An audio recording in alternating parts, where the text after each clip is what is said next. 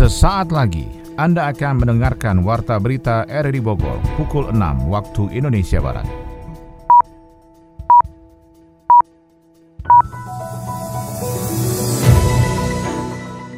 Selamat pagi dan salam jumpa. Hari ini Kamis 24 Juni 2021 kami kembali menyapa Anda dalam Warta Berita yang bisa Anda dengarkan juga selain di RRI Pro 1 dan Pro 2 RRI Bogor. Anda juga bisa dengarkan di RRI Play aplikasi untuk smartphone Anda dan bisa Anda dengarkan juga lewat radio Tegar Beriman Kabupaten Bogor yang turut menyiarkan siaran pagi ini. Berita utama hari ini adalah selama masa penutupan sementara kantor pemerintah dan Balai Kota Bogor harus diiringi dengan penanganan memutus mata rantai penyebaran COVID-19 secara optimal. Sampai sore ini sudah ada 27 ASN yang positif dari 8 kantor pemerintahan. Karena itu saya meminta agar Balai Kota dan kantor pemerintahan ditutup untuk sementara Satreskrim Polres Bogor masih mendalami dugaan pemalsuan dokumen dalam akta jual beli tanah dan bangunan milik warga di Komplek Mediterania Sentul City, Desa Cijayanti, Kecamatan Babakan Madang. Orang yang bisa dikatakan patut untuk kita kasihani lah ya, seorang ibu-ibu dalam keadaan mata yang tidak bisa melihat atau tunanetra ya, dia dijolimi, rumah seharga 7 miliar dibayarkan hanya 800 juta. Saya Maulana Isnarto, inilah Warta Berita selengkapnya.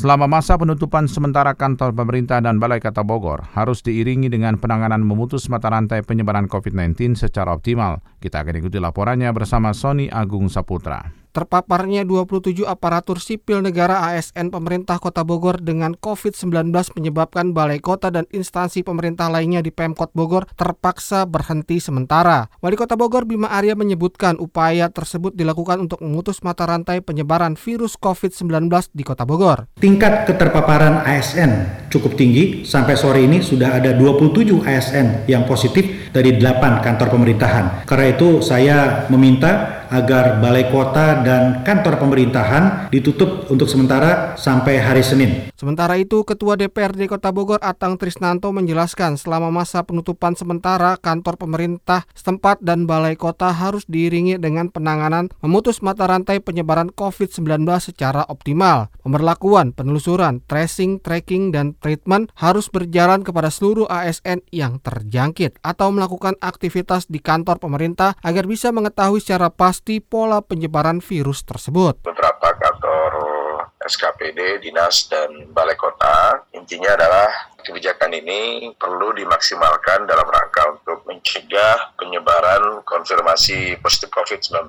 Dan dengan hal tersebut harus diiringi dengan tracking, testing, dan tracing sehingga lockdown ini bisa memiliki manfaat dan sesuai dengan tujuan aslinya. Untuk kantor DPRD Kota Bogor tidak sepenuhnya melakukan lockdown, tetapi ada fungsi wakil rakyat yang berjalan dalam menerima tamu secara selektif dan mengagendakan rapat-rapat secara dalam jaringan sehingga pelayanan kepada masyarakat tetap berjalan dari anggota DPRD. Pengetatan PPKM sebagai respon dari terjadinya lonjakan kasus dinilai menjadi solusi dalam penanganan COVID-19. Adi Fajar melaporkan. Pengetatan PPKM sebagai respon dari terjadinya lonjakan kasus dinilai menjadi solusi dalam penanganan COVID-19.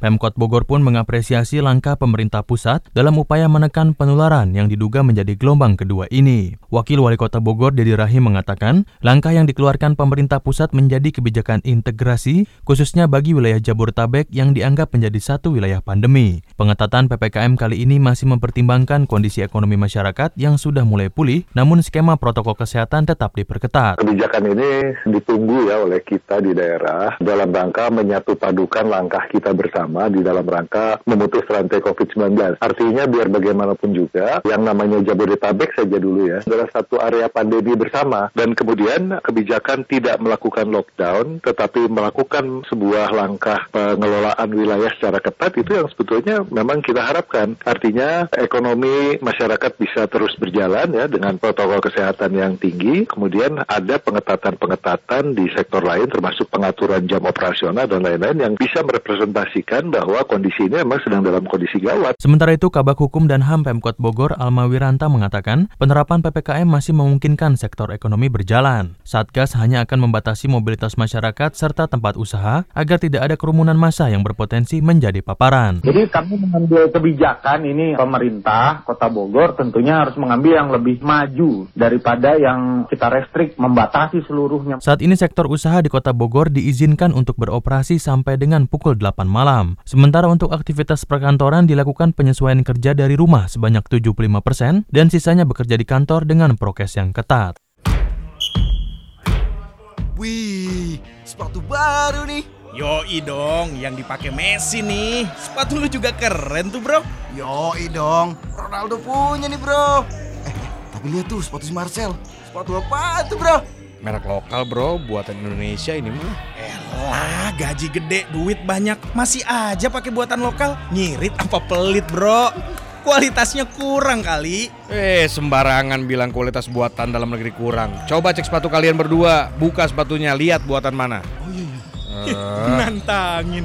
Impor nih, Bro. Beli di luar lah. Made in Indonesia yang gua, Bro. Coba. Lah, yang gua buatan Indonesia juga. Justru kualitas buatan kita itu terbaik bro. Dari sepatu, elektronik, fashion, sampai pernak-pernik udah diakuin sama dunia. Ngapain beli barang impor kalau kualitas produk kita lebih oke? Kalau gue sih bangga buatan Indonesia. Saatnya kita bangga buatan Indonesia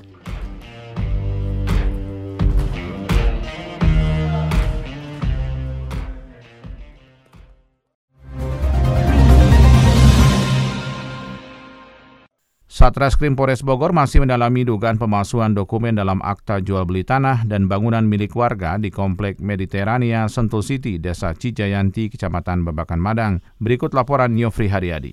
Bersama-sama menjadi saksi mengungkap sebuah tindak tindakan yang sangat jolim sekali yang ada di Kabupaten Bogor ini. Saya bersama dengan tim telah melaporkan masuk di dalam satu rangkaian praktik mafia. Satreskrim Polres Bogor masih mendalami dugaan pemalsuan dokumen dalam akta jual beli tanah dan bangunan milik Endang 52 tahun seorang ibu dua anak dengan kondisi tunanetra di Komplek Mediterania Sentul City, Desa Cijayanti, Kecamatan Babakan Madang. Perwakilan dari keluarga korban Pablo Benua melihat ada keganjilan dalam transaksi pinjam meminjam uang atas nama perorangan yang melibatkan Endang dengan BL yang kini dilaporkan ke penyidik Polres Bogor. Diungkapkan Pablo, BL diduga memanfaatkan kelemahan Endang untuk menandatangani perjanjian perikatan jual beli tanah dan bangunan senilai 8 miliar rupiah dengan ganti jaminan pinjaman 800 juta rupiah. Peristiwa itu pun semakin klimaks pada April 2021 di saat BL bersama dengan orang suruhannya memaksa Endang dan dua anaknya serta keluarga lainnya yang tinggal di rumah tersebut untuk mengosongkan rumahnya.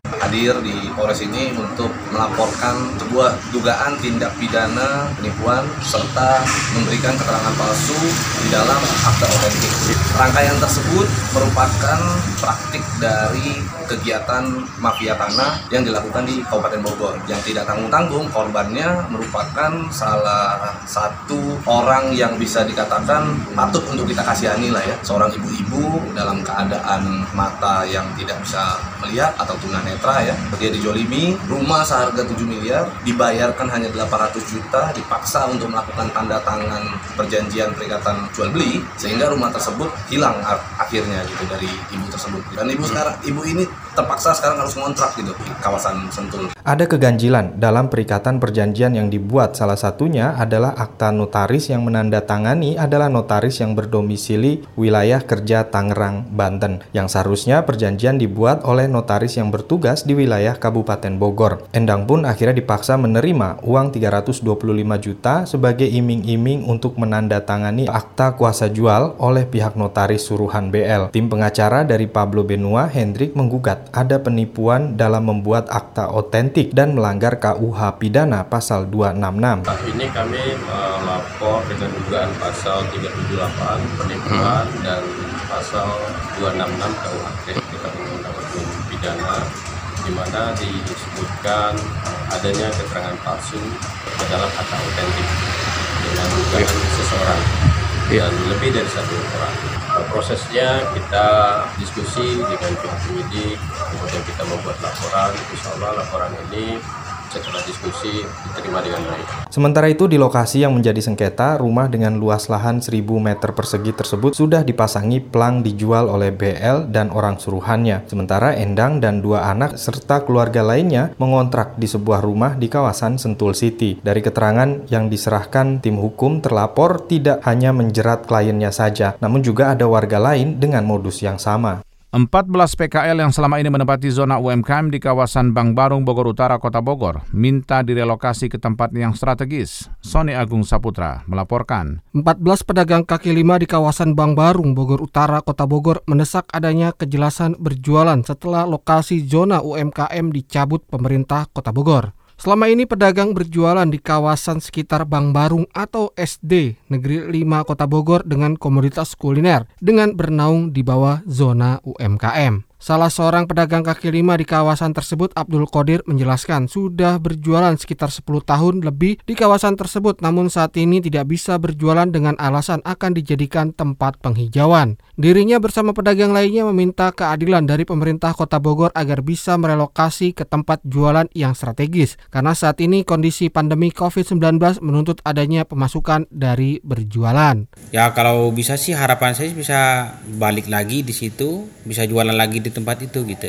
Kalau direlokasi sih ke daerah nggak jauh, ya di tempat yang strategis lah. Sementara itu, Camat Bogor Utara Marse Saputra menjelaskan bahwa zona tersebut sudah tidak diperpanjang karena akan menjadi kawasan hijau kota Bogor. Untuk itu pihaknya mempersilahkan pedagang untuk mencari tempat berjualan lain agar tidak mengganggu ketertiban umum dan keamanan lingkungan. Itu bukan penertiban, tapi pencabutan zona PKL. Jadi dengan keputusan wali kota bahwa zona tersebut dicabut sebagai bukan zona PKL lagi karena berada di depan sekolah. Aturan Kementerian Pendidikan pendidikan bahwa di depan sekolah itu harus bebas dari PKL. Prinsipnya itu. Saat ini pihak kecamatan bersama sejumlah dinas terkait di pemerintah Kota Bogor juga melakukan penataan untuk menjadi kawasan ruang terbuka hijau dengan adanya taman dan pepohonan sebagai paru-paru kota.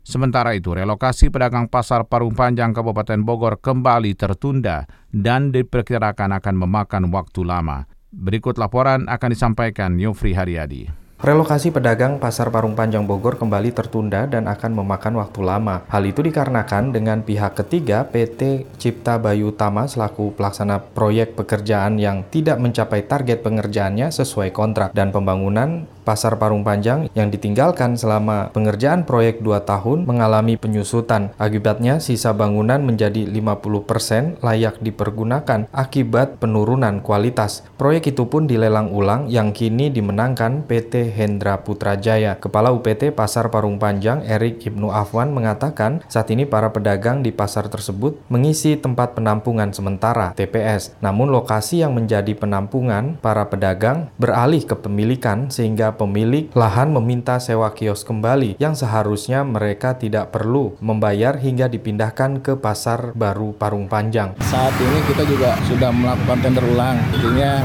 dari bulan Maret April kemarin ya. Nah, sudah ada pemenang baru lagi sekarang di bulan Mei sudah ada pemenangnya. Itu oleh PT Hendra Putra Jaya ya. Nah kemungkinan kita sedang berjalan progres pembangunan lagi tahap-tahap oh, untuk perpindahan. Kan tunggu TPS sudah rapi baru pemindahan. Satu bulan mungkin pengerjaan. Sebenarnya sebenarnya kan kemarin itu 50% ya karena kondisi sudah tidak terpakai lagi, air rusak lagi semuanya, nol lagi kan. CBO itu sudah melakukan prestasi yang sudah ditetapkan oleh lelang awal. Pihak kontraktor PT Hendra Putrajaya menjanjikan dalam satu bulan ke depan sebagian para pedagang yang menempati tempat penampungan sementara dapat mengisi los dan kios di pasar tersebut. Pasar Parung Panjang merupakan pasar tradisional dengan desain modern karena tingginya persaingan pasar modern di wilayah operator pasar yakni Perumda Pasar Tohaga menginginkan pasar di wilayah itu tidak kalah dengan pasar modern di daerah tetangganya Tangerang Selatan dengan lahan 1,6 hektar dengan bangunan 3 tiga lantai memiliki 1.600 los dan kios yang menampung para pedagang serta fasilitas taman bermain anak. Camat Parung Panjang Icang Aliudin berharap para pedagang untuk bersabar dan tidak anarkis menunggu pemindahan mereka ke dalam pasar yang belum selesai dikerjakan. Pasalnya, sambungan listrik di bangunan pasar baru Parung Panjang belum terpasang. TPS itu sudah dibuat sejak lama juga, malah sekarang ada sewa kedua, ya rugi.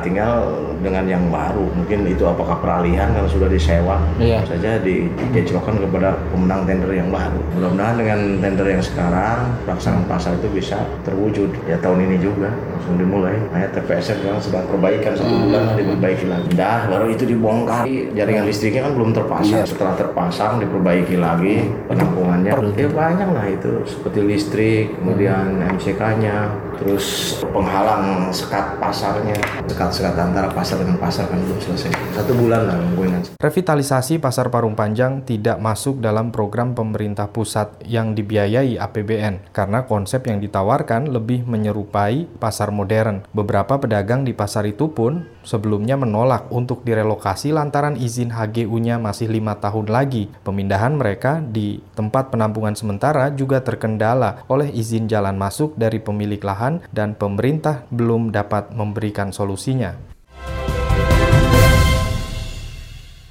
Dari dunia ekonomi, tentang para pelaku pinjaman online ilegal melakukan berbagai cara untuk menjerat targetnya dan PT Pupuk Indonesia Persero menyatakan kondisi ketersediaan pupuk berada dalam jumlah yang sangat cukup. Selengkapnya, dua berita ekonomi tersebut akan disampaikan Adi Fajar Nugraha. Para pelaku pinjaman online ilegal melakukan berbagai cara untuk menjerat targetnya. Salah satunya adalah mengirimkan penawaran melalui SMS atau aplikasi pesan instan. Jubir OJK Sekar Putih Jarot mengatakan, otoritas jasa keuangan dalam pengumumannya menegaskan bahwa penawaran pinjol melalui SMS atau WhatsApp adalah ilegal. Oleh karena itu, masyarakat diminta untuk mengabaikan dan menghapus pesan yang berisi tawaran pinjol tersebut. Fintech lending atau pinjol yang terdaftar dan berizin di OJK tidak diperbolehkan menawarkan pinjaman pinjaman melalui saluran komunikasi pribadi, baik SMS ataupun pesan instan pribadi lainnya tanpa persetujuan konsumen. Biasanya pinjaman online ilegal yang menawarkan melalui SMS atau WhatsApp itu memberikan iming-iming pinjaman cepat dan tanpa agunan apa pun.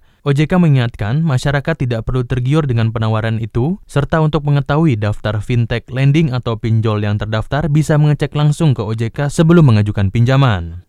PT Pupuk Indonesia Persero menyatakan kondisi ketersediaan pupuk berada dalam jumlah yang cukup. Total stoknya mencapai 15,3 juta ton sepanjang 2021. Direktur Utama Pupuk Indonesia Bakir Pasmanan menjabarkan, sampai dengan 10 Juni 2021, pihaknya memiliki stok di lini 3 sebesar 911.458 ton atau setara 304 persen di atas ketentuan pemerintah. Untuk kebutuhan sepanjang tahun 2021, pihaknya telah menjaga ketersediaan stok di lini 1 hingga lini 4 mencapai 15,3 juta ton. Kemudian Bakir memaparkan, realisasi penyaluran pupuk bersubsidi sampai dengan akhir Mei 2021 sebesar 76% dari target atau setara 3.090.083 ton dari target sampai dengan Mei 2021 sebesar 4.082.689 ton. Dalam melakukan pengawasan terhadap penyaluran pupuk bersubsidi, Bakir mengklaim bahwa Pupuk Indonesia telah membangun sistem yang berbasiskan teknologi informasi, mulai dari membuat aplikasi gudang, web commerce, distribution planning and control system, dan akan mengembangkan retail management system. Dari mancanegara, dari Mumbai, India dilaporkan pemerintah setempat telah melaporkan adanya varian mutasi COVID-19 Delta Plus yang dianggap meresahkan. 16 kasus dari varian B16172 ini ditemukan di negara bagian Maharashtra pada Selasa 22 Juni 2021. Menurut keterangan pejabat Maharashtra, Delta Plus ini jauh lebih menular daripada varian aslinya. Dinas Kesehatan Inggris PHE menyatakan galur Delta ini 60% lebih menular daripada varian Alpha atau Ken yang ditemukan pada Desember 2020. Kami kutip dari Sky News, saat ini Delta menyumbang lebih dari 99% persen kasus COVID-19 baru yang terdeteksi di Inggris. Kemudian mutasi Delta ditemukan di Nepal, disinyalir dari penyebab Portugal. Meningkatnya status kewaspadaan ke kuning pada Mei lalu, pakar berulang kali memperingatkan virus ini akan terus bermutasi dengan jumlah varian dianggap meresahkan. Setiap kali dilakukan mutasi, maka mereka lolos dari sistem imun. PHE menerangkan dua dosis vaksin bagian dari Oxford AstraZeneca dan Pfizer-BioNTech dianggap efektif melawan varian Delta. Meski begitu, studi lanjut diperlukan untuk mengetahui apakah masih bisa melawan varian turunannya akibat virus corona varian Delta. Assalamualaikum warahmatullahi wabarakatuh.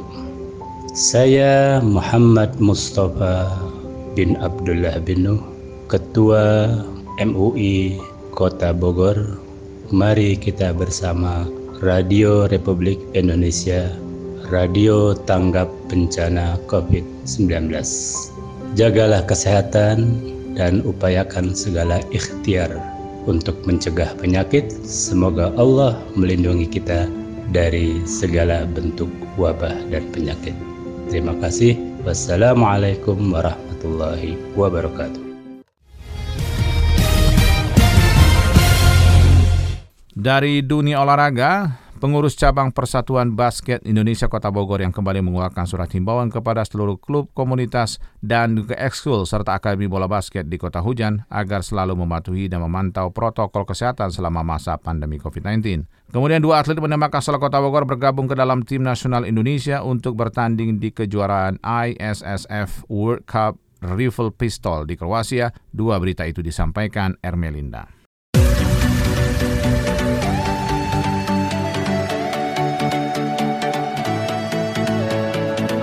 Pengurus Cabang Persatuan Basket Seluruh Indonesia Perbasi Kota Bogor kembali mengeluarkan surat himbauan kepada seluruh klub, ekskul, komunitas, dan akademi bola basket di Kota Hujan agar selalu mematuhi dan mentaati aturan pemerintah Kota Bogor dan Dinas Kesehatan tentang protokol kesehatan prokes selama masa pandemi COVID-19.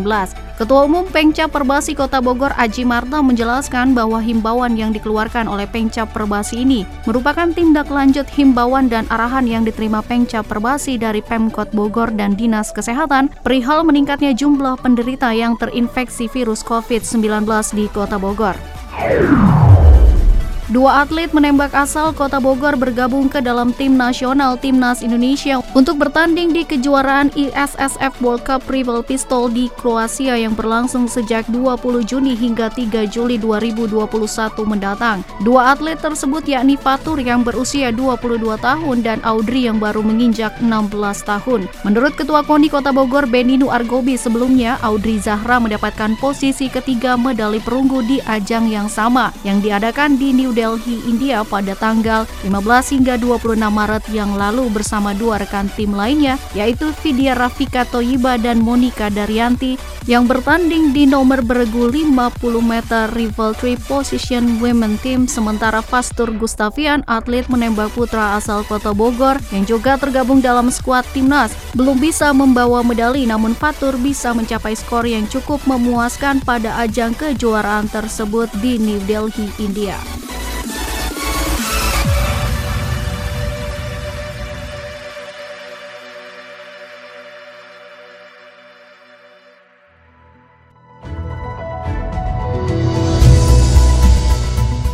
Demikian rangkaian informasi yang kami hadirkan dalam Warta Berita di edisi hari ini. Sebelum berpisah kami sampaikan berita utama. Selama masa penutupan sementara kantor pemerintah dan Balai Kota Bogor harus diiringi dengan penanganan memutus mata rantai penyebaran COVID-19 secara optimal. Satreskrim Polres Bogor masih mendalami dugaan pemalsuan dokumen dalam akta jual beli tanah dan bangunan milik warga di Komplek Mediterania Sentul City, Desa Cijayanti, Kecamatan Babakan Madang. Siaran ini bisa Anda dengarkan juga melalui podcast kami di Spotify, Anchor, Potel, dan Google Podcast. Mewakili kerabat kerja bertugas, saya Maulana Istar mengucapkan terima kasih atas perhatian Anda.